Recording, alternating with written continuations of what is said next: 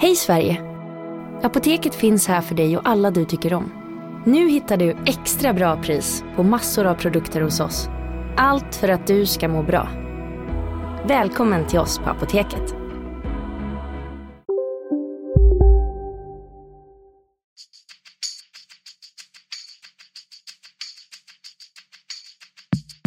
Skönt att komma ut och eh, bara lukta gräset. Så det, är, det är fotboll för mig.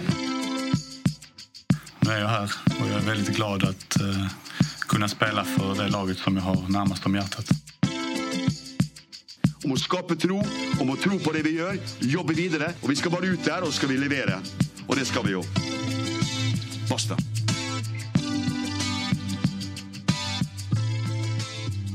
Välkomna tillbaka till MFF-podden. Det här är avsnitt nummer 238. Jag heter Fredrik Hedenskog. Jag har sällskap av Max Wiman och Fredrik Lindstrand. Hejsan på er! Hallå. Det är onsdag förmiddag när vi spelar in detta. Sedan vi hördes senast har Malmö FF spelat två matcher eh, i Svenska Cupen. För all del en U21-match, halv U21-match också men den kan vi ta lite senare. Men de två matcherna i Svenska Cupen blev alltså två förluster mot Västerås och Gais. Kuppspelet är över redan innan gruppspelet är avslutat och detta föranleder ju ehm, diskussion kring vissa saker i laget. Precis. Jag tänker också det en intressant diskussion. Jag försökte på uppstuds komma på om man skulle ranka det här eh, kupputtåget i någon slags, sätta det i någon slags his, historisk floppkontext. vad, vad har man in det då någonstans? Alltså det är ju ändå det har ju varit några sådana riktigt tunga, bland annat den här förlusten mot Boys då i, till och med i kvalomgången Ja, på ju- sommaren. Så den- den, är, den väger ju tungt så att säga Ja. i sammanhanget. I modern tid så är nog den den värsta därför att det handlar inte bara om resultatet utan det handlar om hela insatsen. Det var alltså både från bänk och på planen. Man hade bänkat flera viktiga spelare och på planen var det fullständigt förvirrat. Och oengagerat och ointresserat. Men du har ju även gruppspelsmatchen mot Öster borta som var något liknande syndrom där Rössler också hade bänkat en hel del spelare.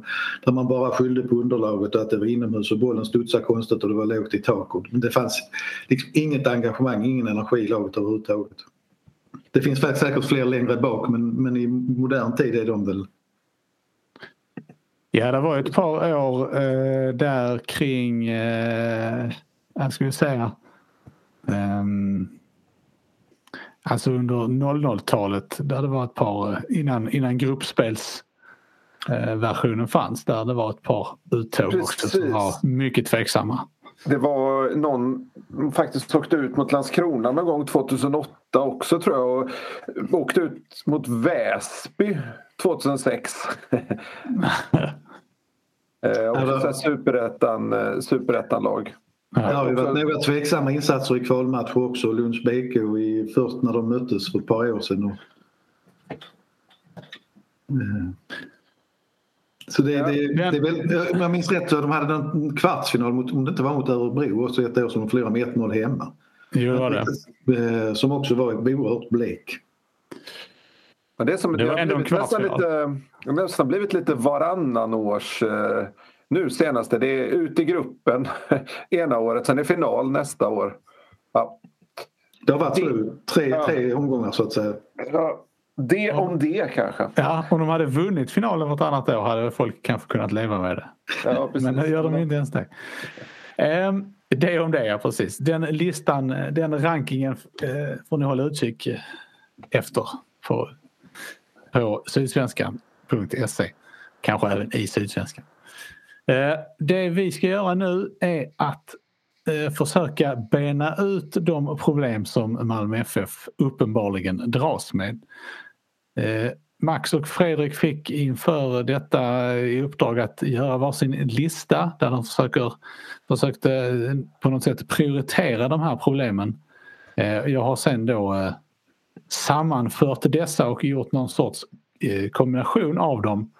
Ehm, och det, det man då ser här är ju att Eh, om vi tar det här i, i någon sorts prioordning för det är ändå det som, som, eh, som övningen går ut på är ju att ni är tämligen överens om att det här med motivation och energi eh, är någonting som, som ligger väldigt högt upp på denna listan.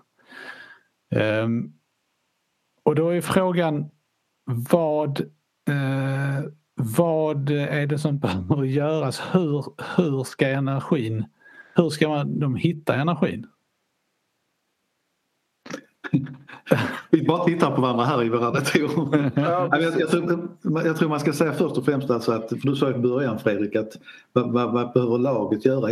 Jag, tror det är större än laget just nu. Jag tror det handlar om hela hela verksamheten runt A-laget och jag tror det handlar om föreningen som måste hitta rätt på flera fronter. Och när, när man pratar energi så det är väldigt svårt eftersom vi fortfarande då inte ser så mycket av laget. Eh, men eh, jag tycker att energin måste komma från många håll. Jag tycker att mm, sportchef Daniel Andersson får steppa upp kanske och eh, liksom vara med i debatten, diskussionen, vara aktiv själv.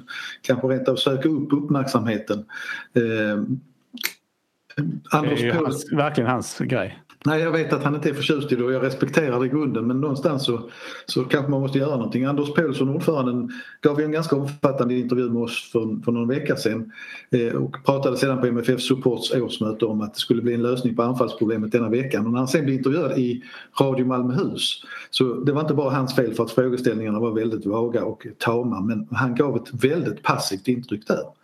Eh, och jag tycker liksom att eh, Malmö FF är så stort nu att nu måste man eh, det må bara vara två cupmatcher men det är liksom en försäsong som har sett allmänt skakig ut och det har inte hänt något nytt runt truppen. Nu måste man liksom på något sätt fånga upp eh, och visa sin energi från alla led i föreningen. Ja, eh, vi, när vi pratade senast, eller de senaste avsnitten så har jag ju faktiskt påtalat den uppenbara bristen på engagemang och intensitet i de träningsmatcherna som man spelade. Eh, Fredrik, du tyckte ju då eh, att man inte kunde dra för stora växlar av träningsmatcherna. Mm. Ehm, vad har du att säga till ditt försvar nu? ja, nej men Alltså det har ju just träningsmatchernas utseende. Jag vill allt minnas att MFF har spelat ganska dåliga träningsmatcher tidigare säsonger också. Och, och eh, alltså, var det inte förra året man ändå gjorde en ganska bra bortamatch mot Wolfsburg då inledde man med att spela oavgjort mot IFK Malmö då också. Så jag, tror, jag, tror inte, jag tror inte det handlar om det. Jag tror det handlar om att man är på jakt efter någonting. Och eh, det är just det som är det svåra. Att det här är alltså, man halkar ju in i det här med vad ska motivera den här truppen att bli bättre? Det är, det är ungefär samma kamper om samma platser mellan samma spelare och det har ju ändå utkristalliserat sig vilka som går först i de här kamperna. Eh, ganska hög medelålder i truppen. Det, det känns liksom... Det känns, alltså, de flesta rollerna känns ganska cementerade liksom. Eh, och, man spelar ganska mycket på samma sätt som man gjorde förra året. Man, det är inte så att man försöker på något nytt sätt. Okej, okay, nu, har man, nu har man blivit av med sin, med sin centrala anfallare då och då, då, då ska liksom Marcus Antonsson då, det verkar det ju som nu, helt enkelt bara ersätta honom rakt av och på samma sätt. Trots att han inte är samma spelare. Och det här är alltså en spelare som MFF så sent som i oktober lånade ut för att han inte hade någon plats alls. Så att jag, det är liksom inte glasklart sådär vad... Det, det, finns liksom, det, behövs, det behöver hända någonting eh, i truppmässigt för att liksom ruska om lite grann för att spelarna ska liksom känna sig lite osäkra. Och då, är, då, då, då hamnar man ju där på samma ställe igen med den här kanske framförallt då den här anfallsvärvningen som är numera nästan utlovad. Får bara skjuta in så inte vi... Det var inför Chelsea, de spelade oavgjort mot IFK Malmö för de vann. Ja, just det. Just det. Ja, de vann med 7-0 i fjol. Ja, just det. skäller på oss i efterhand. Nej, just det, just det. Men det var en ganska bra match mot Chelsea också. Nej, men det tycker jag fortfarande inte man behöver ta så, så stor... Eh, lägga så stor vikt vid just de här träningsmatcherna. Men det, är väl, det handlar väl mer om att ta lite steg och sådär. Det, det har väl MFF inte gjort. Men vad det gäller energi på planen så det, det, det, är ju någonting som Alltså Rasmus Bengtsson vet vi han är borta. Eh, Berang Safari har försvunnit nu definitivt från förra säsongen och året innan var det, var det Marcus Rosenberg. Jag tycker att jag ser för lite kulturbärare som visar det på planen just nu. Eh, även om Malmö vann allsvenskan i överlägsen stil i fjol så gjorde det på ett bra sätt. Så den här våren nu när det har eh, hackat så tycker jag inte att jag ser eller hör de som verkligen steppar fram och säger att det här är för jäkligt, nu måste vi göra någonting. Ja, det är ju ingen som säger det, det, när man pratar runt eh, och hör vad som sägs och så, så är det ju ingen som, ingen som på något sätt tycker att det är egentligen ett stort problem att man åkte ut kuppen. Man säger att det var för dåligt förstås. Men det är absolut inte tecken på någonting större. Och det tycker jag är lite anmärkningsvärt ändå. Det är, det är inte så man hör inte det här, nu får vi ta oss i kragen, det här, det här håller inte. Utan analysen är snarare, ja, vi, vi missade för mycket chanser. Och, och, det, och det om det. Liksom. det djupare än så går inte analysen utåt sett i alla fall. Det är inte så att man liksom blottar strupen på något sätt och säger att vi, det här håller inte för Malmö FF, vi måste bli bättre. jag tycker också att det är, att det är mm, märkligt att eh, det, sen kanske de eh, kanske eh, de, de skärskådar sig själva mer in, inbördes. Men att man inte kan säga mer utåt tycker jag också är konstigt. Det påminner ju väldigt mycket så som matcherna har sett ut. Påminner ju väldigt mycket om de åren även om de har varit mer och mer sällsynta. Ehm, så påminner det mycket om de åren när MFF har gjort dåliga säsonger. Det vill säga att man får kämpa oerhört mycket. Att det krävs väldigt många eh, situationer för att man ska göra mål och att motståndarna har väldigt lätt för att skapa både mål och farligheter. Jag fick, jag fick tydliga eh, för liksom känslor från, från de här eh, vad ska man säga, alltså Sören Åkeby-åren. Där, Ja men alltså inga jämförelser i övrigt men där var det ju väldigt ofta så att, att MFF spelade bra fotboll liksom mellan straffområdena i nästan alla matcher men hade en oerhörd förmåga att förlora i alla fall. Mm. Det, går jag för, alltså, nu tror jag kanske inte att MFF kommer att parkera i mitten av den allsvenska tabellen för det men, men eh, men kan ni, tror ni, finns det någonting i den eh, jämförelsen som, eh, som verkar vettigt? ja, men jag tycker just det här alltså, spelmässiga analysen är ju det känns ju allt mer klockren att motståndarna, hur dåliga de än är, eller hur, inte dåliga men även om det rör sig om mindre lag, eh, lyckas göra mål på sina chanser utan, och de får chanserna. Medan Malmö nästan inte skapar någonting utan man tycker att man har en massa chanser men det är mest slumpartat och Eh, att man liksom krigar och att man är individuellt ändå överlägsna. Det är inte så att man skapar någonting utifrån spel och fantastiska fasta situationer eller någonting utan det är ju... Och jag tror lite grann det där är, för nu kan vi uppfattas som extremt gnälliga igen men jag tror kanske att fler står bakom oss den här gången att eh, någonstans, ja det är bara, bara kuppen men det, det här är larmsignaler som, som man bör ta tag i och göra någonting åt och markera att det verkligen och säkert görs mycket internt men även så att det syns utåt. För att jag har ju sett en del jämförde ju redan med våren är det 2018 med Magnus Persson.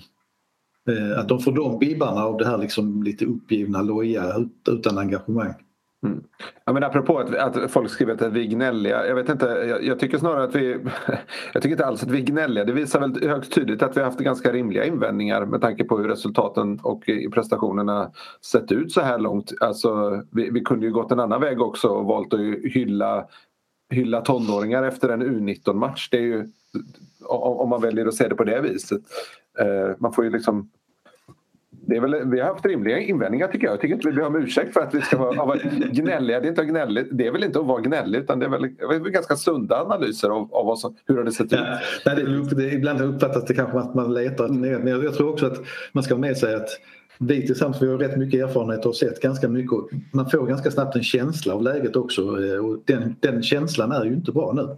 Eh, och jag tycker att det bara förstärks av det här som ni var inne på när man bara säger att ja, men vi skapar många chanser och vi bara sätter inte dem ungefär. För jag tror att problemen är, är betydligt djupare än så. Men det finns alltid, jag tycker alltid det blir, det blir alltid, det finns alltid en fara när tränare faller tillbaka eh, och pratar om statistiken eh, som, som, som en statistik som pekar på att man borde ha vunnit matcherna. Magnus Persson gjorde det väldigt mycket den här våren 2018 och hittade olika sökte tröst i statistiken eller vad man skulle säga. Eh, Ove Rössler gjorde det ju, han hade ju något, någon slags personlig statistikleverantör som varje gång efter matcherna försåg honom med precis den typen av skottstatistik som visade på att MFF borde ha vunnit matchen. Och det, det, är lite, det finns alltid en viss fara i såna här lägen att man att man faller in i det där att eh, Jonas Thomasson har ju till exempel sagt nu att 9 av 10 såna här matcher så vinner Malmö FF. Men statistiskt sett har han ju fel eftersom Malmö FF har förlorat två av två sådana här matcher. Så det, det, det och, och liksom om man, om, man inte, om man slarvar med detaljerna så kommer ju den här tionde matchen oftare än vad den borde göra så att säga. Och eh, det, det, är liksom, det är frågan är om man tagit de här stegen i vinter som man behövt göra. Jag jag tycker fortfarande att det, det, det, går igen där. Man är väldigt beroende av den individuella skickligheten. Det, finns till exempel en sekvens mot Gais där när jag tror det är Nanassi som heter inte Toivonen som sätter den vidare en skarv till AC.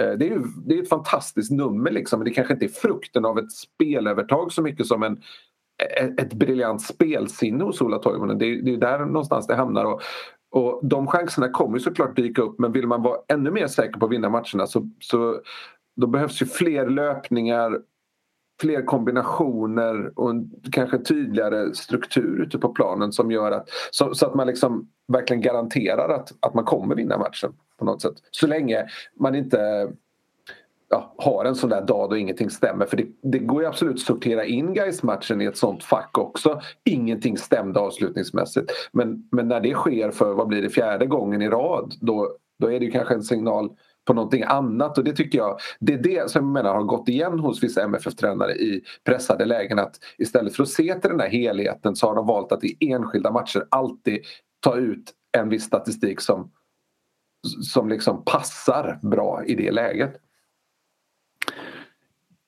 Jag får en känsla också av att det, med, med tanke på det här som, som ni har sagt och inte minst då med hur, hur truppen ser ut eh, ålders och konkurrensmässigt och att, att MFF kanske mer än något annat lag den här säsongen eh, skulle behöva få publiken tillbaka.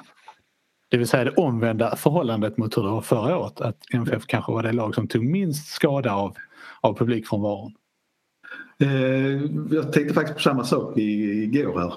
Och jag tror att du har väldigt rätt i den tankegången. Därför att publiken skulle sätta press på laget också. Eh, man kunde glida fram i fjol på sin erfarenhet och att eh, eh, man var bättre än de andra men att nu kanske inte den motivationen och det trycket som alla pratar om att finns i Malmö FF. Det, det, det finns inte där när inte publiken är, med. Så jag tror det är en, en väldigt stor del av det här faktiskt. Om man tittar vidare på era åtgärdspaket så finns det ju eh, andra punkter som, som tangerar varandra. Mm. Fredrik har, har bland annat... Jag bara avsluta med motivationsbiten ja, som, som, är, som kanske är den absolut svåraste. Det är en sak om MFF trots allt hade krånglat sig vidare i gruppen på något sätt och även om det klickade lite sådär men då, anspänningsnivån blir högre ju, ju längre man går i kuppen förstås. Men nu väntar ju ja, nästan sex veckor utan matcher. Det är ju, det är väldigt, 38 dagar. 38 dagar, ja precis. Vad, vad gör man på dem? Vad, hur, hur, motiverar man sig? Det, det, är en sak att träna och kanske, ja, det, det återstår ju några... Det, det, är ju fler lag än MFF som åkt ur kuppen så att säga så att det kommer ju finnas träningsmotstånd att spela mot. Så här. Men hur får man ihop laget? Hur får man dem att spetsas till liksom och, och verkligen vara redo och få upp ångan och sådär? Det kan vara läge för MFF att åka på försäsongsläger, bryta restriktionerna och chartra ett plan ner till Spanien och, och bara låsa in sig där och, och få ihop laget. Eller något slags miniläger på hemmaplan kanske. För att... Jag skulle precis säga, för jag visste inte om, för jag har ju skrivit samma punkt på min lista. Jag visste inte om vi var inne men den, den hänger ju samman med motivation. Eh, jag vill ju bara, bara markera att jag tycker absolut inte att de ska åka någonstans men ett läger på hemmaplan någonstans skulle kunna vara en markering. Eh, men jag, det, det, är svårt i pandemitider men någonstans så tycker jag att man borde även där vara lite öppna och visa någon sorts plan. Det här, nu, nu gör vi så här fram till allsvenskan. För om man bara tuggar på precis som det är nu då känns det ju som en uppenbar risk att det här inte blir särskilt bra. Att det, det är uppenbart att det behöver ske någonting som, som eh, eh, ja, det, det, är en omstart man måste göra. Eh, och det, det, det, de, de kan inte bara fortsätta med världens längsta försäsong. Marcus Rosenberg hade väl bara slutat tvärt om han hade spelat fortfarande. Utan, jag tror precis som Fredrik, de måste markera någonting att det är en omstart och hur och vad vill de göra? Mm. Sen handlar ju, det, för det handlar ju egentligen inte om att de åker ur kuppen. Det här på, på ett sätt så här, det, det, är inte... Det är en, vad ska man säga, någon slags bonustitel snarare än en stor titel i sig. Och eh, MFF behöver inte vinna kuppen för att de är Europa, för Europa-kvalsmässigt eller något sånt där. Utan det är inte det som är grejen. Liksom. Alltså, MFF har klarat sig ganska bra utan kupptitel nu sedan 1989 så det, det, det, det, är inte, det är inte det som är saken här riktigt utan det handlar om att liksom växa som, som lag och, och i förlängningen kanske då även klubb. Liksom. Om vi då återgår till listan så har eh, Max eh, punkten konkurrens. Att truppen måste konkurrensutsättas. Eh, och eh, räknar upp ett eh, antal platser där, där som eh, och de positionerna har ju då Fredrik också som eh, egna punkter kan man säga. Så att jag tänkte att vi tar, vi, tar, vi börjar bakifrån eh, och pratar om, om målvaktspositionen där Fredrik, du menar att eh, tryggheten saknas. Kan du ja. utveckla detta? Ja men det är ju en sak att Johan Dahlini är ja, allsvenskans bästa målvakt får man väl nästan säga. Missar jag någon nu? Nej, det gör jag inte. Det är han, han är det absolut. Jag blev lite osäker helt plötsligt. Eh, och allting börjar ju byggas bakifrån. Vi, vi tittar ju, det blir såklart mycket fokus på det offensiva då i och med att Isak Kristelin är den enda som har lämnat. Men Johan, Johan Dahlin har ju faktiskt någonstans också lämnat från förra säsongen. Eh, han kommer ju förhoppningsvis för MFFs del tillbaka igen men man, man vet ju inte det i nuläget och det där är en, en position som är Alltså det, man, ska, man, kan verkligen inte, man kan verkligen inte underskatta den. Betydelsen för den. Ja, förlåt. Över, överskatta dess betydelse. Alltså, det, allting börjar ju där och det har varit några insläppta mål delvis lite tavelsmässigt men också en skakighet på defensiva fasta. Eh, och kanske, men kanske framför allt viktigast de, de kraven Johan Dahlin ställer på sin backlinje och i förlängningen det hela försvarsarbetet.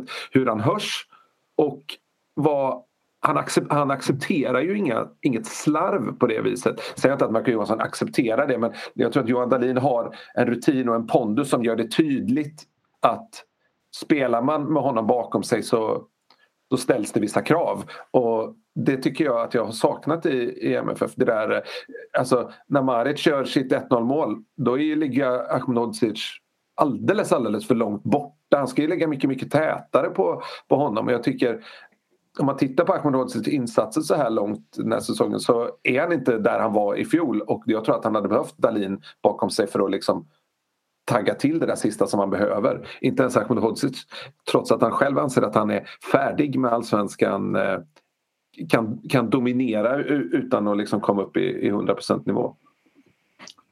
Ja, det, det, det, är svårt det här också med, med Marco Jönsson. Alltså att det är en duktig målvakt, absolut. Men, och det handlar inte om att hänga ut en person eller en spelare. Men det krävs en speciell nivå för att spela i Malmö FF och eh, vara den som är första målvakt och, ska liksom leda laget. Han gjorde en bra höst i fjol men han sattes egentligen aldrig under press. Eh, I enstaka matcher naturligtvis men inte, det fanns liksom aldrig någon fara för guldet. Det var aldrig någon stress eller press. Eh, och Granada var det ingen som räknade med att de skulle slå ut så där fanns inte heller någon press. Eh, och jag tycker för mig har det vuxit fram liksom att, att det kan låta hårt men han har inte i nuläget de kvaliteter som räcker för att vara förstemålvakt i Malmö FF över tid. Eh, och eftersom situationen är så osäker som den är med Johan Dahlin, alltså nu pratar vi nu, det är ju 8-9 månader, 8 månader är det väl i alla fall som han inte har spelat match. Han är fortfarande i rehabträning, det är lite hysch-hysch. Eh, han har motiverat sig med att vara målvaktstränare uppe i Hässleholm för att ha någonting att göra. Alltså hans väg är ju långt tillbaka oavsett vilket. Och tåget kan gå väldigt snabbt under våren eh, här.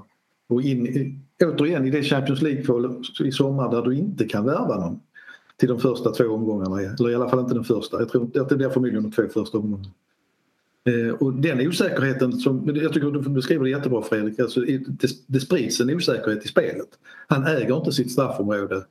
Eh, och det jag, lilla jag har sett på plats nu eh, är att jag hör Mattias Nilsson betydligt mer som ledare på planen än vad jag hör Marco Johansson.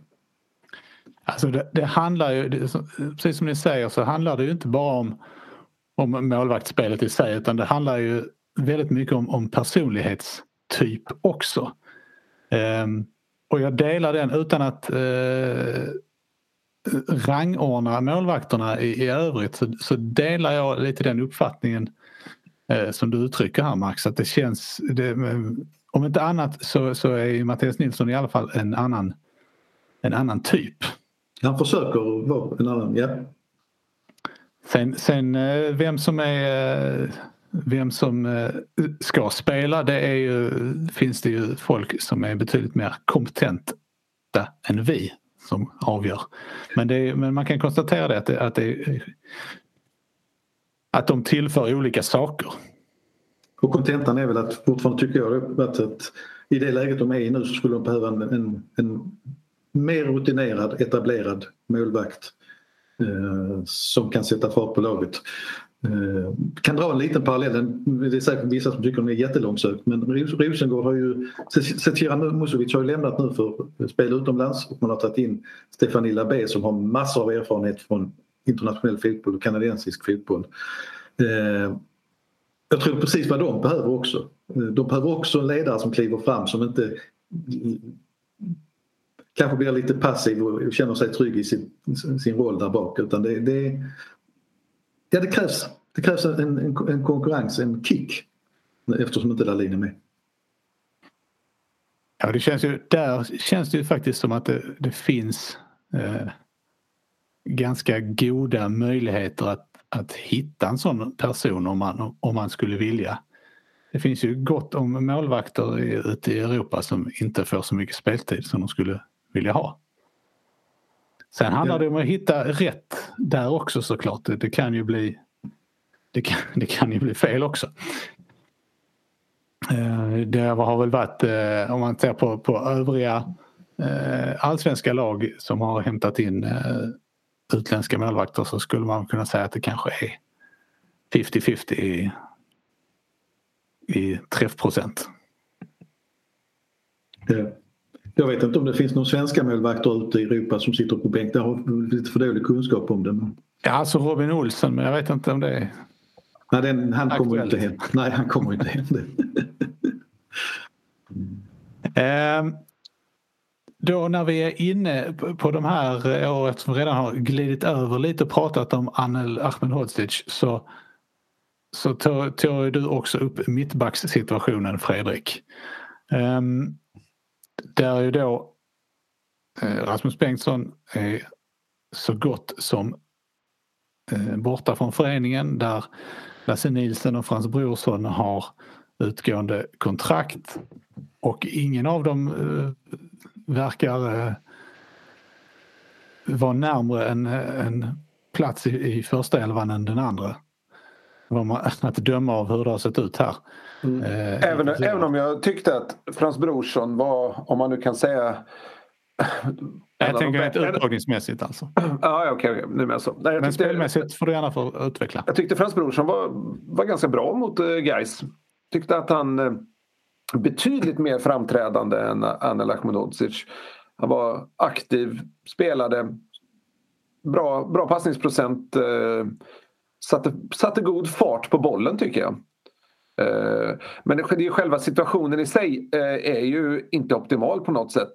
Sen finns ju Vagic där bakom också som har utgående kontrakt. Och, och ja, det har ju sagts ganska länge att MFF vill förlänga här men det har inte hänt någonting på den punkten. Och och Tomassons, vad ska man säga, jag kanske inte ska säga vacklande men att han har ju inte riktigt visat vem han vill spela gör ju att det blir ganska svårt för spelarna att bestämma sig kring framtiden också. Eh, jag förstår att man vill testa runt på försäsongen men det är lite svårt också när det inte utkristalliserat sig någonting där egentligen. Och, eh, det kanske också visat sig att det hade varit smartare för Malmö FF att faktiskt, nu fick man kanske inte det man ville ha men just med Ahmedhodzic, det, det är svårt för en sån ung kille om, som ändå varit väldigt tydlig med att han, att han är redo för att lämna allsvenskan.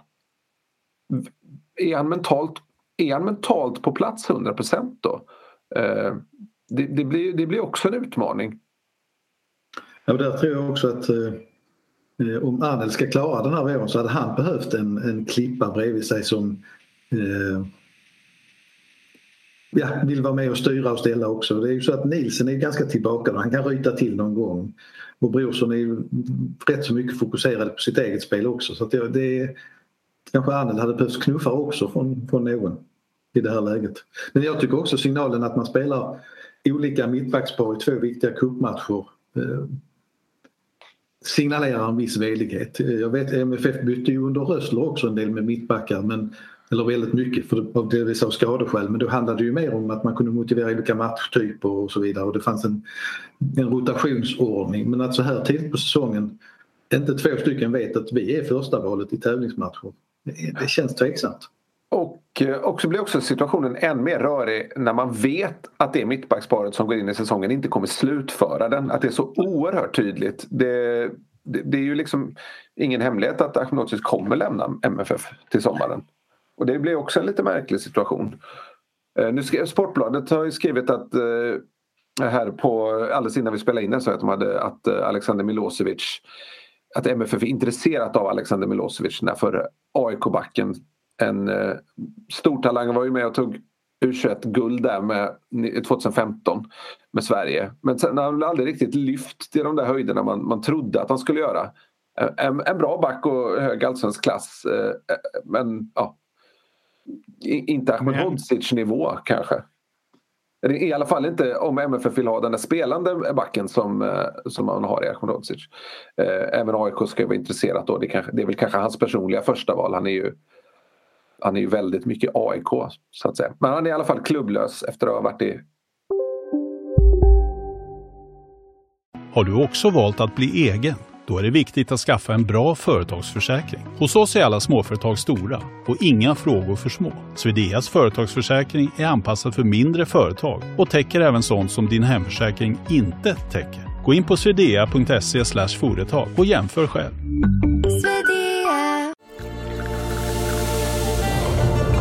Välkommen till Maccafé på utvalda McDonalds restauranger med Baristakaffe till rimligt pris. Vad sägs om en latte eller cappuccino för bara 35 kronor? Alltid gjorda av våra utbildade baristor.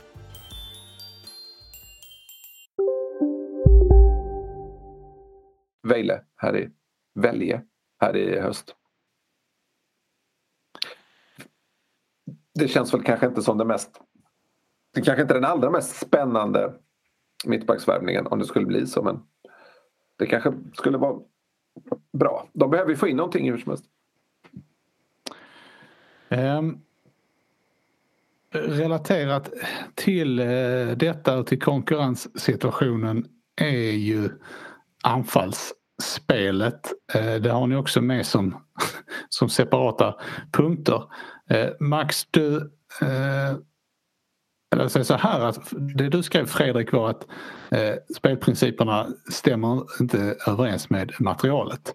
Och Max skriver att eh, de behöver titta på ett alternativt spelsystem om man inte hittar en ny anfallare. Vad, kan du utveckla den tanken Max? Nej, men jag vet att det var andra som kom på samma tankar redan i höstas så det, så det är väl inget unikt så men det kändes, känns som att man har låst sig vid det här eh, att du ska ha en central anfallare och du ska ha kantgubbar som då kan, kan sticka framåt och så är det spelprinciper som ska vara väldigt fria. Men det känns inte riktigt som att MFF utan Isak Kiese har eh, materialet eftersom det inte funkar. Jag menar, eh, fortfarande, det är inget att kasta på honom men Amin Sarr gjorde, spelade på, där på u matchen igår och gjorde äntligen mål och blev jätteglad över det. Eh, innan dess hade gjorde han mål i den, den 2 augusti i fjol. Eh, alltså det... Och då, han spelade i och för sig mycket kant i höstas så det är inte det men, men någonstans så handlar det kanske om att man får gå tillbaka till en eh, 4-4-2 eller vad som helst liksom, på något sätt där man har, kan spela på ett annat sätt. Och eh, kanske under lite fastare former eftersom det inte bara räcker med de här individuella kvaliteterna.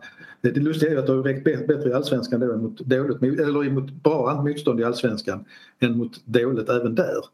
Eh, och det borde kanske vara tvärtom men, men eh, för det var ju en del svenska matcher i fjol som var väldigt stillastående också. Det hände inte mycket i straffområdet. Men jag tror att Malmö måste hitta alternativa sätt att anfalla och tydliga sätt att anfalla. Ja, om inte, om inte göra om det så i alla fall ha det som alternativ. För att det, det, är väl, det tycker jag också är någonting som man har sett här under cupmatchen att MFF kanske blivit lite förutsägbart. Man, man vet ungefär vad de ska slänga in och och man vet ungefär hur de skapar sina chanser. Det har ju pratats väldigt mycket om de här spelprinciperna som att man ska vara oerhört rörliga i offensiven. Men titta på matcherna mot Gais och Västerås. Jo Inge Berget ligger ju på sin högerkant. Exempelvis. Han befinner sig ju inte centralt inne i planen i, i några längre perioder. Och Marcus Antonsson växlar ju inte kant med, med någon ytter för att liksom för att variera där. Jag tycker Toivonen är väldigt sällan djupledsgående i spets till exempel. Om, om man ska hitta de där, det, det, där rörliga offensiva spelet som Thomas har pratat så mycket om. Det, det har man liksom inte riktigt sett till där. Så att, då kan det vara bra att förändra, förändra MFF offensivt med ett 4-4-2 i alla fall under perioder av matcher eller, eller i vissa matcher för, för att liksom få ett mer, ja, överlag ett mer rörligt anfallsspel och mer oförutsägbart anfallsspel när de var som bäst så var väl Mackan och Mackan, deras samarbete var ju väldigt avgörande. Mm. Det, är ju kanske samarbeten som Malmö FF måste hitta nu. I sitt offensiva spel och inte... Jag tyckte i och för sig Sarr sa något klokt också efter u matchen igår att de hade pratat ihop sig i pausen och rätt så tydligt då markerat att vi måste komma i djupled och när vi kommer i djupled så måste vi in mycket folk i boxen, vi måste vara med på andra bollar och det är precis så det inte har sett ut i många matcher. Det har inte varit mycket folk inne i boxen. Det har inte varit någon som har huggit på andra bollar. Eh, utan det har varit chansartade inspel från ett par lägen i kanten, på kanten. Överlag så har det varit ganska... Det känns lite grann som den här toppfyran har varit lite för isolerad från varandra. Eh, att eh, till exempel Antonsson har hamnat lite för långt ifrån Toivonen många gånger om man jämför då hur han spelade med Rosenberg när de var två på topp. Att de, de, de låg ofta väldigt nära varandra. Det räckte med en skarv för att, för att friställa Antonsson från Rosenberg. Då, till exempel för att de, de visste hela tiden vad de, ha, vad de hade varandra. Sen ska det ju sägas att det blir också svårare för eh, när man möter ett superettanlag då kanske eller inte svårare möjligtvis, det, det, lagen backar ju hem i allsvenskan också men det, Gais lägger sig ju verkligen tätt, tätt, tätt och lågt ner och det känns som att MFF i efterhand kanske lurar sig lite av att vi dominerar matchen i andra halvlek. Ja, det, det är väl ganska givet. Gais vill ju på inget sätt dominera den själva och ha jättemycket boll och tappa den högt och, bli, och få omställningar mot sig. De var väl inte helt missnöjda med att MFF hade bollen. Det ingick nog i deras ja, det ingick nog i deras plan så att säga. Um, så har det ju sett ut i flera matcher tycker jag just det här att det är ett stort bollinnehav runt straffområdet som inte har gett så mycket egentligen. Mm. Ja, men det var ju också det som var melodin i början med Thomasson. Ett mm. väldigt stort bollinnehav runt straffområdet. Sen så ändrades ju det i slutet av juni tror jag det var, eller om det var i början av juli när MFF radade upp åtta raka segrar där. När, när eh, dels eh, kom ju Toivonen igång i den vevan och Tellin hittade mer rätt i sin roll och så vidare och man blev allmänt mer rörligt liksom. Eh, även då som Jo Inge Berget fick chans på kanten igen och, och blev mer Ja, det blev ett helt annat riv och spelarna började liksom kombinera mer och, och löpa lite mer generellt sett. det gick ju fortare och gick rakare framåt. Mm. Ni säger att rörligheten och, och snabbheten har gått, har gått förlorad om man jämför då med när det såg, när det såg ut, eh, som bäst ut. Är det, handlar det bara om, om, om eh, Isak Kiese medverkan respektive frånvaro? Nej, det kan man väl inte säga att det, att det enbart handlar om det. Men om man, om man tittar på just den rollen så då, hans spelstil tarvar ju liksom eh, mer uppmärksamhet från det försvarande laget. Fler spelare måste ingå i bevakningen på honom. Det öppnar, öppnar upp eh, lite mer skulle jag, skulle jag säga. Han kan liksom ge laget de där extra, extra ja, tiondelarna eller vad det kan vara i anfallet som öppnar upp eh, eh, Sen handlar det också om att veta att man har liksom en, den där, eh, eh, en, eh, en stjärna där uppe. Liksom att det, vad det gör med konkurrenssituationer och, och lagets förtroende över, överhuvudtaget. Men för, för min del så är det stora med MFF nu inte att det, det är liksom inte så att MFF Antonsson tycker jag kan få lite för mycket skit också. Jag, tycker, jag, jag håller fortfarande fast vid att han är en spelare som kan som kan, ska vinna en allsvensk skytteliga i Malmö FF. Det, det, tror jag absolut han kan göra men det handlar mer om att det, det, det saknas timing. Man, man, man rör sig lite för sent. Man tar inte tillräckligt mycket initiativ i löpningar och så vidare för att öppna upp för antingen sig själv eller för någon annan. Eh, man, man, man tänker liksom väldigt sällan längre än den situationen man är i. Och det tycker jag då blir man mer förutsägbar helt enkelt. För att då, då uppstår inte de där situationerna från ingenstans i och med att man blir lite för statisk och för förutsägbar. Jag håller med vad det gäller Antonsson, jag har väl sagt flera gånger innan. Jag tycker att han får klä för mycket skott här. Men, men det kanske också handlar om systemet, att han skulle fungera bättre i ett annat system. Jag vet inte. Sen tycker jag det kan finnas en del i kritiken och det är återigen är det lätt att svänga sig mot när man inte har den som ska lösa det praktiska. Men sanningen är ju att Malmö FF visste att Marcus Rosenberg skulle sluta för två år sedan. Eh, och man har ju egentligen inte riktigt löst den historien fortfarande. Man har ju liksom lappat och lagat med att låna in Thelin. Eh, det, jag är väl medveten om att hur svårt det är i en komplex fotbollsvärld att satsa långsiktigt på den fronten men, men liksom, någonstans så hade man kanske velat se att, att Malmö var längre framme. Att här är vår, här är vår nästa Marcus Rosenberg och att det här får kosta för vi måste ha honom. Mm. I, nämnt, eh, två, apropå anfallaren så har du ju nämnt två namn nu när som Kvällsposten skrev igår. Då. Jag vet inte om vi ska diskutera lite kring dem då men det är ju, det är ju, då är det ju den här nummer nio tydliga nian liksom ganska reslig eh, person, erfarenhet från Europa.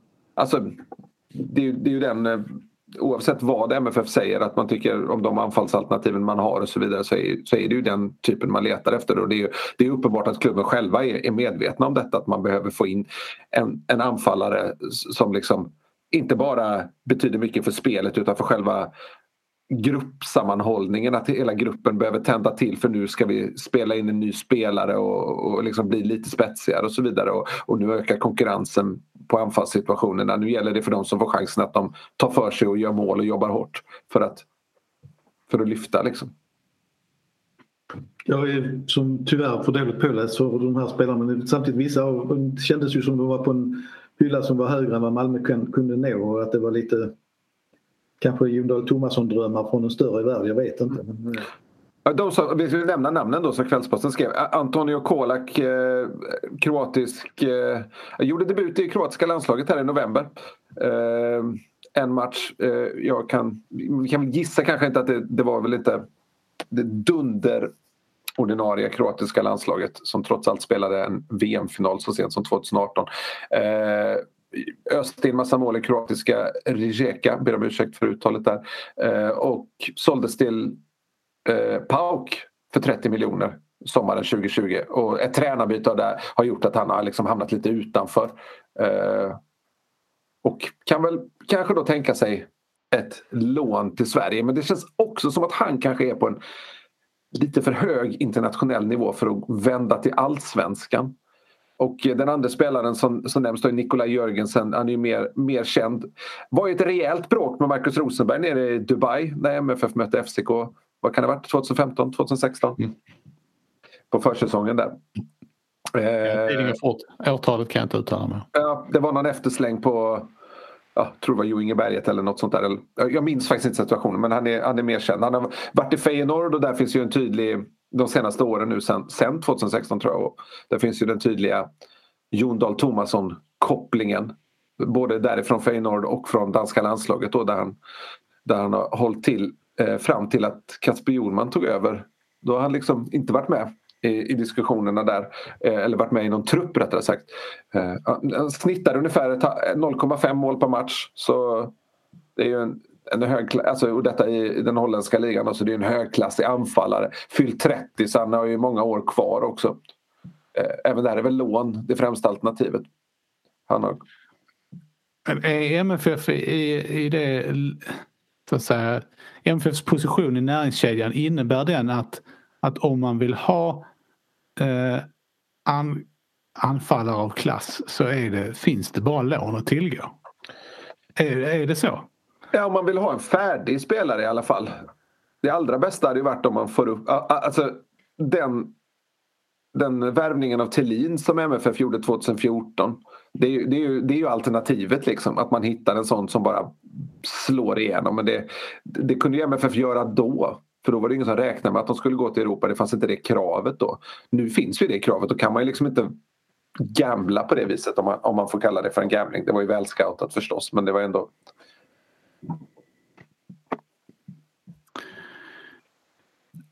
Om vi tittar vidare här i era listor ehm, så ehm, har Max en, en eh, punkt som, som hör ihop lite grann med, med mittbackarna och sådär men det, den eh, kallas eh, till sin rubriksättning för irritationsmomenten.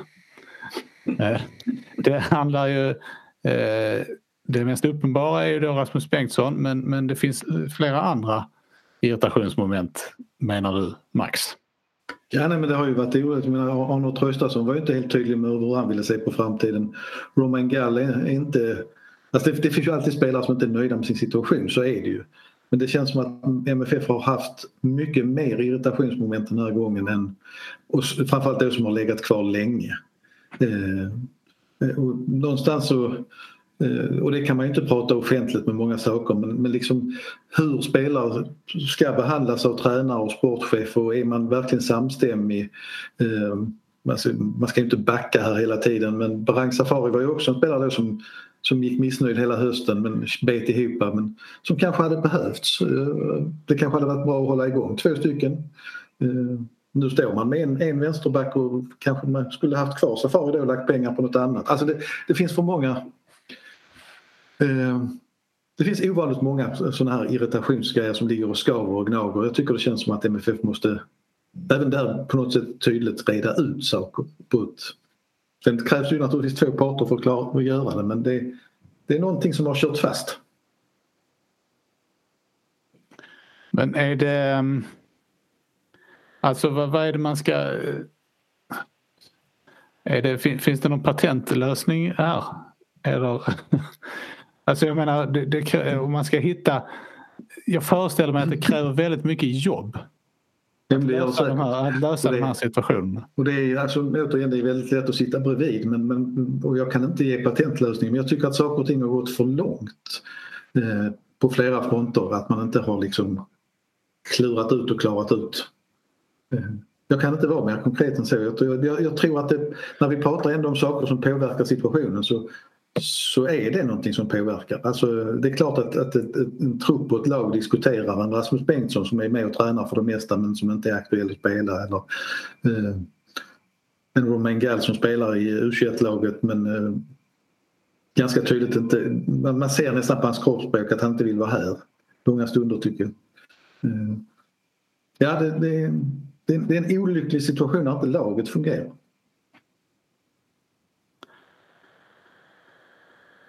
Fredrik, du har också med som en punkt den sittande mittfältaren. Ja. Eh, det tolkar jag, eh, det du skrev till där, som att du anser att, att hålet efter Fouad Bachirou behöver, eller tomrummet där behöver fyllas på något sätt. Ja, alltså delvis har det ju fyllts av Erdal Rakip men um jag tycker mest bara att det, det, det är inte den, eh, det, det, är inte ett akut problem så att säga men det är ändå intressant att Malmö FF har tappat en, en, en mittfältare som ändå i alla fall höll Europanivå. Svårt att säga nu, han får inte spela någonting. Eh, har knappt spelat alls sedan han lämnade Malmö. Men han har liksom inte ersatts, han bara försvann och så var det inte mer med det. Han har ändå i, i de här båda, båda Europagruppspelen Eh, och vägen in i dem så har han varit enormt viktig. Eh, precis som eh, att Enok Kofi Adu var enormt viktig när MFF nådde Champions League för några år sedan. Det är liksom, han är bara inte där längre.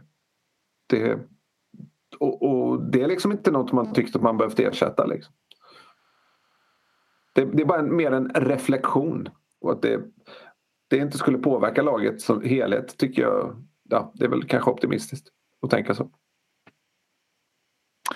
Man kan lägga till det här med alltså, Oskar Lewickis frånvaro är väl inte avgörande för den här vintern men eh, att den har haft en viss påverkan. Det, det, det, han är en viktig spelare. Han hade varit ett alternativ att testa som mittback också om han hade varit hel. Så att eh, hans osäkra skada tycker jag är, har betydelse. Mm. Ja, men han är, det, är också, det är ju inte enbart för han spelar. Han, skulle nästan kunna, han, han hade ju kunnat vara med var som helst på planen nästan mot Gais och han hade förmodligen gjort en ganska stor skillnad. Just för att han är en MFF-spelare. Alltså in i märgen. Och det hade kanske behövts någon mer sån på plan mot Gais, någon som vet vad som krävs och vad som förväntas av laget och som inte accepterar en förlust. Liksom. Jag tror att hade man haft Lewicki och Dalin på planen bara mot Gais, inte för att de rent vad ska man säga, rent tekniskt sett skulle kanske gjort den stora skillnaden så är ju, det, så är den, den vad ska man säga, det klubbhjärtat och den energin de kommer in med ganska viktig i sådana matcher. Um, när vi nu ändå är inne på denna eh, och pratar om mittfältet här så kan det ju vara värt att ta upp Anders Christiansen. Tycker jag. Mm. Nu uh, var han där igen. Och, ja. blev ut, och blev utvisad. Ja, jag ställde frågan rakt till honom och frågade om han borde med facit i hand tagit det lugnare med tanke på att han hade ett gult kort och det läget laget var i. Men han menar på att han, han var övertygad att han skulle vara först på bollen. Och ja, vad ska, vad ska man säga? Det är ju, det är ju svårt. Ja. Men, men, alltså det, eh, det, det är ju... Um, min erfarenhet uh, av spel på mycket, mycket lägre nivå är att man som spelare, även på den nivån, har en väldigt god uppfattning om man är först på bollen eller inte i en sån duell. Mm. Det, det låter väldigt mycket som en ganska ihålig efterhandskonstruktion. Det spelar inte så jättestor roll heller om man är... Jag, jag tyckte det såg ut som att de var på bollen ungefär ganska exakt samtidigt. Ja, nej, vilket, också är, vilket också är ett alternativ. Men han kommer ju faktiskt med en rak sula in i duellen. Mm. Och eh, ja, då är ju reglerna ganska tydliga oavsett mm. om man är lite före eller lite efter. Så får man inte göra liksom. Sen så kanske det var hårt med ett gult kort, jag vet inte. Det förstärks ju av att spelaren skriker och så vidare. Men ja, det, det, det här är ju kanske inte... Det kan inte komma som en överraskning att uh, den risken finns när man satsar på det viset. Nej, Nej men precis, det är ju dit jag vill komma. Alltså, eh, det är, vi har pratat här om, om, om liksom intensitet och, och energi och engagemang. Ehm, då, men då måste man också se till att, att rikta den eh, åt rätt håll. Mm. Ja, det är svårt för jag tycker att Anders AC han har ju jag tycker han har försökt verkligen alltså i spelet. Han har försökt springa och kriga så mycket han kan. Men eh, självklart så, så går det inte att dra på sig onödiga kort. Och kanske är lagkaptensrollen för mycket för honom, jag vet inte. Att han, att det, det, för det är det där också en balansgång. Jag tycker att han sköter det väldigt bra, sköter det väldigt bra medialt i fjol och sådär men det, det, är klart att han, han kanske han kanske drog på sig ännu mer i fjol och har börjat likadant i år, att det finns någonting i det. Jag vet inte. Eller tycker ni att jag är för eh, hård mot honom? Men det finns ju, det finns ju röda kort och röda kort. Eh, eller vad säga, gula kort och gula kort ska vi väl säga för det var inget direkt rött kort. Liksom. Och, alltså,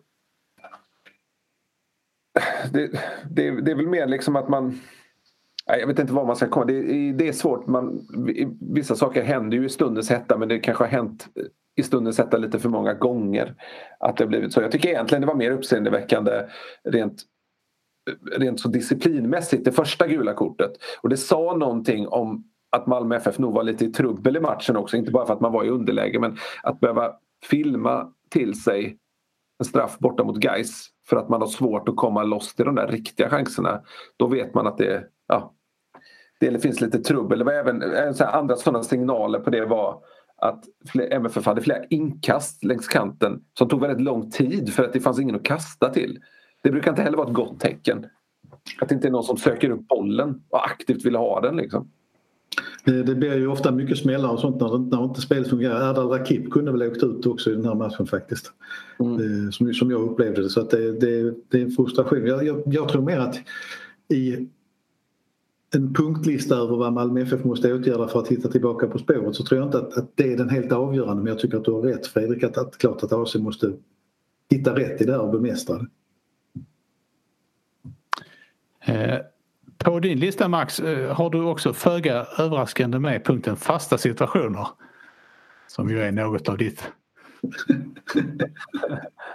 Nej, jag vet inte. Jag har, jag har, jag har sagt det många gånger, jag har inte den erfarenheten som fotbollsspelare eller mer än som lagledare för Hushets damlag för hundra år sedan. Liksom att träningsmomenten i fotboll. Men, men någonting är, känns ju inte rätt att ett, ett, ett lag på Malmö FFs nivå ska vara så släppa in så mycket mål på fasta situationer. För Thomasson får ta fram vilken statistik han vill. Det, det är två frisparksmål redan i år som varav det ena kändes verkligen som dålig förberedelse att man inte fixade det. Eh, och likadant alltså denna oändliga rad av hörnor och även långa inkastare. Det, det händer förvånansvärt lite. Det kommer inte ens till lägen utan det är eh, och vi även frisparkar. AC slog väl bort två frisparkar riktigt grovt mot Gais. Eh, jag trodde både han och jag trodde att Toivonen skulle tillföra mycket, mycket på det men, men jag, jag vet inte riktigt vem som sköter det offensiva upplägget för fasta situationer men Johnny Fedel har ju väldigt stort ansvar för det defensiva och det kanske inte är rätt. Man måste kanske hitta en annan typ av, eh, av eh, tränare på, på, på, på, just de här sakerna. Alltså en riktigt expert, en riktigt duktig nörd. Alltså de defensiva fasta kommer ju tillbaka lite grann till, till Fredriks eh, tidigare punkt med med tryggheten och målvaktsspelet. Och för, för där skiljer det ganska mycket eh, just i de situationerna från målvakt till målvakt hur de agerar och hur de vill ha det. Och det är klart att spelar man eh, om man inte har gjort några justeringar, det kanske de har gjort, men om man inte har gjort några justeringar så blir det ju svårt att, att ha samma typ av eh, boxspel när man har Marco Johansson i mål som man hade när man hade Johan Dahlin. Därför att de agerar på helt olika sätt. Mm. Sen vad gäller de offensiva situationerna vet jag inte. Där känns det ju ofta tycker jag som att eh, de sparar ganska mycket på krutet på försäsongen. Och inte visar så där himla mycket utan det är mest bara in med bollen och så. Sen får man inte slå frisparkarna 10 meter över för det. Nej, det är det som är konstigt. Det är dålig kvalitet på den. Det var hör, hörnorna så kändes det var ganska, eller inkasten var ganska höga bollar mot Frans på bortre.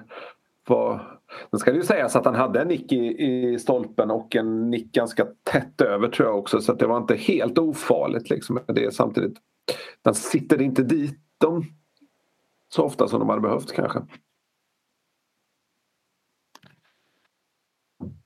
Men man pratar ju så mycket om att fasta situationer är så viktiga i dagens fotboll och då kan man ju tycka att utdelningen både fram och tillbaka ska vara bättre så att säga. Så att, eh, det, det fanns väl en period i fjol då det faktiskt blev en del hörnmål. Men det är ju, det är ju länge sedan man kände att en speciell spelare var ett verkligt hot på de fasta. Ja, nej det var ju, det var ju eh, ganska förknippat med Thelin ändå. Um, Även om Toivonens eh, uh, intåg sen också uh, bidrog. Absolut. Um, nu har vi uh, grottat ner oss här. Då vill jag vända på detta och uh, fråga om det fanns någonting positivt från de här två matcherna som MFF kan ta med sig. Oj. Det kanske är på individuell nivå man får titta då men eh, jag säger, om, jag, om man även bakar in U21-matchen igår så... Alltså Stefan Nassi har ju lite roliga... Eh, ska vi säga, lite roliga egenskaper som, som ställer till det lite grann. Sen är inte han flygfärdig. Och sen tycker jag även att Mubarak nog har lite av de eh, kvaliteterna. Det lite irrationella, det lite oväntade som kanske en gång i tiden Mattias Svanberg förde in i, i laget också. Men av etablerade spelare kan jag inte påstå att jag tycker att något var bra. Jag har svårt att se någon av de yngre göra något större avtryck i, i allsvenskan i år faktiskt. Eh, även om jag förstås gärna blir motbevisad. Det är alltid kul när yngre tar för sig och får sina genombrott. Det är alltid speciellt. Eh, jag kan inte säga att det finns någonting från matcherna som har varit speciellt bra. Det, jag tycker det är jättesvårt. Vi kan inte hitta något enskilt moment så som jag tycker har varit... Eh, nej, Nej. Det går inte. Det har funnits enstaka... Beijmo tycker jag, ja. tycker jag är väl en, en positiv eh, injektion och visat att det, det, det finns i alla fall om Jonald Thomasson vill så finns det möjlighet till en konkurrenssituation på högerbacksplatsen. Han var inte så intresserad av det förra hösten men det kanske han är nu. Men det har hänt någonting med Bejmo också tycker jag. Det är en helt annan eh, kraft i hans sätt att agera. Så jag håller med dig om honom. Sen kan man väl säga det möjligtvis om man ska vara snäll att det fanns ju har ju funnits glimtvis några minuter då och då där det här snabba passningsspelet har kommit fram. Sen har det inte lett till någonting. Men alltså det, man vet ju att det finns där någonstans eh, ett snabbt och lite rakare spel men det, det har inte kommit någonstans. Så det, det, är inte... Det är svårt att lyfta det som något väldigt positivt. Det är bara ett litet embryo till någonting. Eh, MFF har ju kvar att avverka den sista gruppspelsmatchen i kuppen mot Halmstad på lördag. Eh, är den, är den viktig på något sätt? Och i så fall vilket? Nej, det är väl som en träningsmatch. Viktig som en träningsmatch. Det gäller ju, nu, nu måste MFF börja hitta rätt på något sätt. De, de får väl... Viktig och viktig, nej den är väl... Ja, jag vet inte vad som ska Nej, men finns, det, finns, det viktiga, finns det delar av den som är viktig? Ja, men det, ja, som en träningsmatch är viktig. Fast, fast kanske lite mer än, än de här träningsmatcherna i, i januari förstås. Nu, nu är det ju nedräkningen har ju börjat i Allsvenskan. Nu, nu gäller det att liksom börja få spelmomenten att sitta. Den borde ju vara viktig men jag tror inte att den kommer att kännas som viktig. Eh, I och med att vi nu spekulerar i att det trots allt måste in blod i truppen och så vidare så kommer inte det vara klart. Det kommer inte vara några nya spelare på planen på lördag. Eh, och Halmstad har ju eh, väl inte heller någonting att spela för, har de det? De är också borta. Mm. Så att eh, det, jag har svårt att se att det är det är nog sån där, jag tror de flesta ser bortom. Det, det, den här cupmatchen tillhör, alltså man borde inte göra som, jag tror man som spelare tänker så att den tillhör fiaskot och sen får man starta om.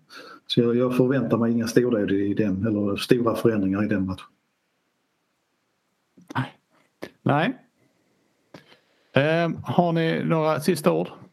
För den här gången alltså? Ja, det var bra att till. Nej, det, det, det, är ett helt annat ämne i så fall. Vi kan ju bara notera att Malmö FF på fredag har årsmöte. Och för första gången då helt digitalt. Eh, man får ju hoppas att inte alla 9000 medlemmarna kommer för då kan det väl bli lite kaosartat. På det Teamsmötet eller hur de nu kommer att koppla upp det. Det kommer de inte att göra men, men eh, det är en speciell omständighet och styrelsen tycker jag i det fallet har varit klok nog att inte lägga några förslag som kan orsaka någon större debatt eller något liknande. Man har heller inte fått in några avgörande motioner vad jag förstår utan det här är ju ett årsmöte som i princip bara måste avverkas för att, för att man ska göra det och det kommer att väljas in ett par nya i styrelsen. Eh, men jag tror inte att det kommer bli några stora frågor eller stora diskussioner. Och sen kan man väl avsluta med att säga också, i alla fall för min del, att eh, Malmö FF har fortfarande eh, allsvenskans allra, allra bästa trupp. Eh, nu gäller det för dem att hitta ett sätt att faktiskt få dem att fortsätta vara det även på plan. Eh, det är det allting handlar om. Liksom. Det är inte så att man sitter och, dömer ut. Ah, ah, när man, har såna här diskussioner så får man också minnas att allt är relativt. Liksom. Det, det är inte så att MFF har förvandlats till Örebro för att man har gjort de här kuppmissen. Nej, det hade varit... Nej, just Örebro hade inte varit kul. Nej, men det, är väl, det, det, är det mest, var det mest mellanmjölkiga jag kunde komma på. De har inte ens några färger på sina kläder. Nej, exakt. Det är allsvenskans mest färglösa lag, utan tvivel.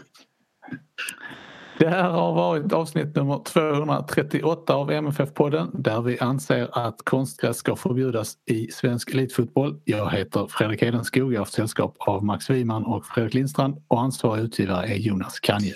Tack för oss, hej hej!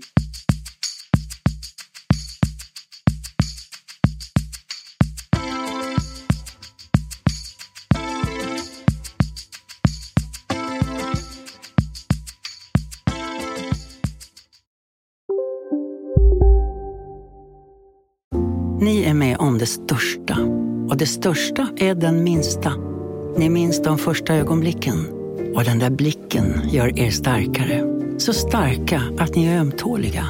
Men hittar trygghet i Sveriges populäraste barnförsäkring. Trygg Hansa. Trygghet för livet. Redo för sportlovets bästa deal? Ta med familjen och njut av en Big Mac, McFeast eller Cooper Cheese och Company plus en valfri Happy Meal för bara 100 kronor. Happy Sportlovs deal, bara på McDonalds.